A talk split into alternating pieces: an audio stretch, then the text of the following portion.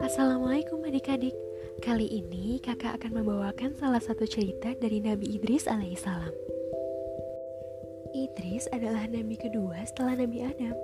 Nama lengkapnya adalah Idris bin Mahlail bin Qainan bin Anushi bin Shits bin Adam alaihissalam Al-Quran tidak bercerita panjang lebar mengenai Idris. Dalam Al-Quran, Idris dipuji oleh Allah sebagai orang yang sabar. Dan ingatlah kisah Ismail, Idris, dan Zulkifli. Semua mereka termasuk orang-orang yang sabar. Kami telah memasukkan mereka ke dalam rahmat kami. Sesungguhnya mereka termasuk orang-orang yang soleh. Quran Surat Al-Anbiya, surat ke-21 ayat 85 sampai 86. Di ayat lain dijelaskan bahwa Allah telah mengangkat Idris ke tempat yang tinggi. Dan ceritakanlah hai Muhammad kepada mereka kisah Idris yang tersebut dalam Al-Quran. Sesungguhnya dia adalah seorang yang sangat membenarkan dan seorang nabi. Dan kami telah mengangkatnya ke martabat yang tinggi. Quran Surat Maryam, surat ke-19, ayat 56 sampai 57. Menurut sebagian kelompok, Idris dilahirkan di Mesir, di daerah Munaf.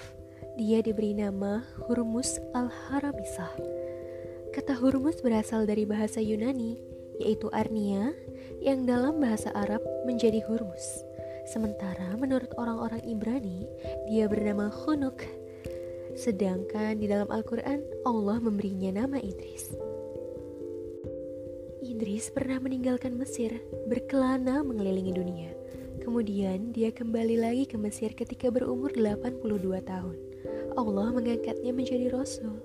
Sedangkan kelompok lain mengatakan bahwa Idris dilahirkan dan dibesarkan di Babilonia.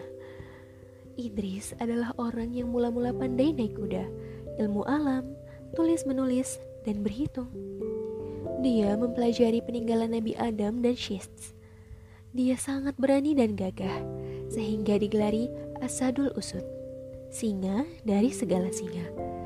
Diriwayatkan dalam Sahih Bukhari dari Anas bin Malik Ketika Rasulullah mikraj ke langit, beliau bertemu dengan Idris di suatu tempat. Ketika itu, Idris berkata, Selamat datang Nabi yang soleh dan saudara yang soleh. Maka Nabi Shallallahu Alaihi Wasallam bertanya kepada Jibril, Siapakah dia, wahai Jibril? Jibril menjawab, Dialah Idris. Bagaimana adik-adik? Mungkin cerita dari Nabi Idris ini tidak panjang, tapi semoga ada pelajaran yang bisa kita ambil hikmahnya bersama-sama. Sekian dari kakak, terima kasih. Wassalamualaikum warahmatullahi wabarakatuh.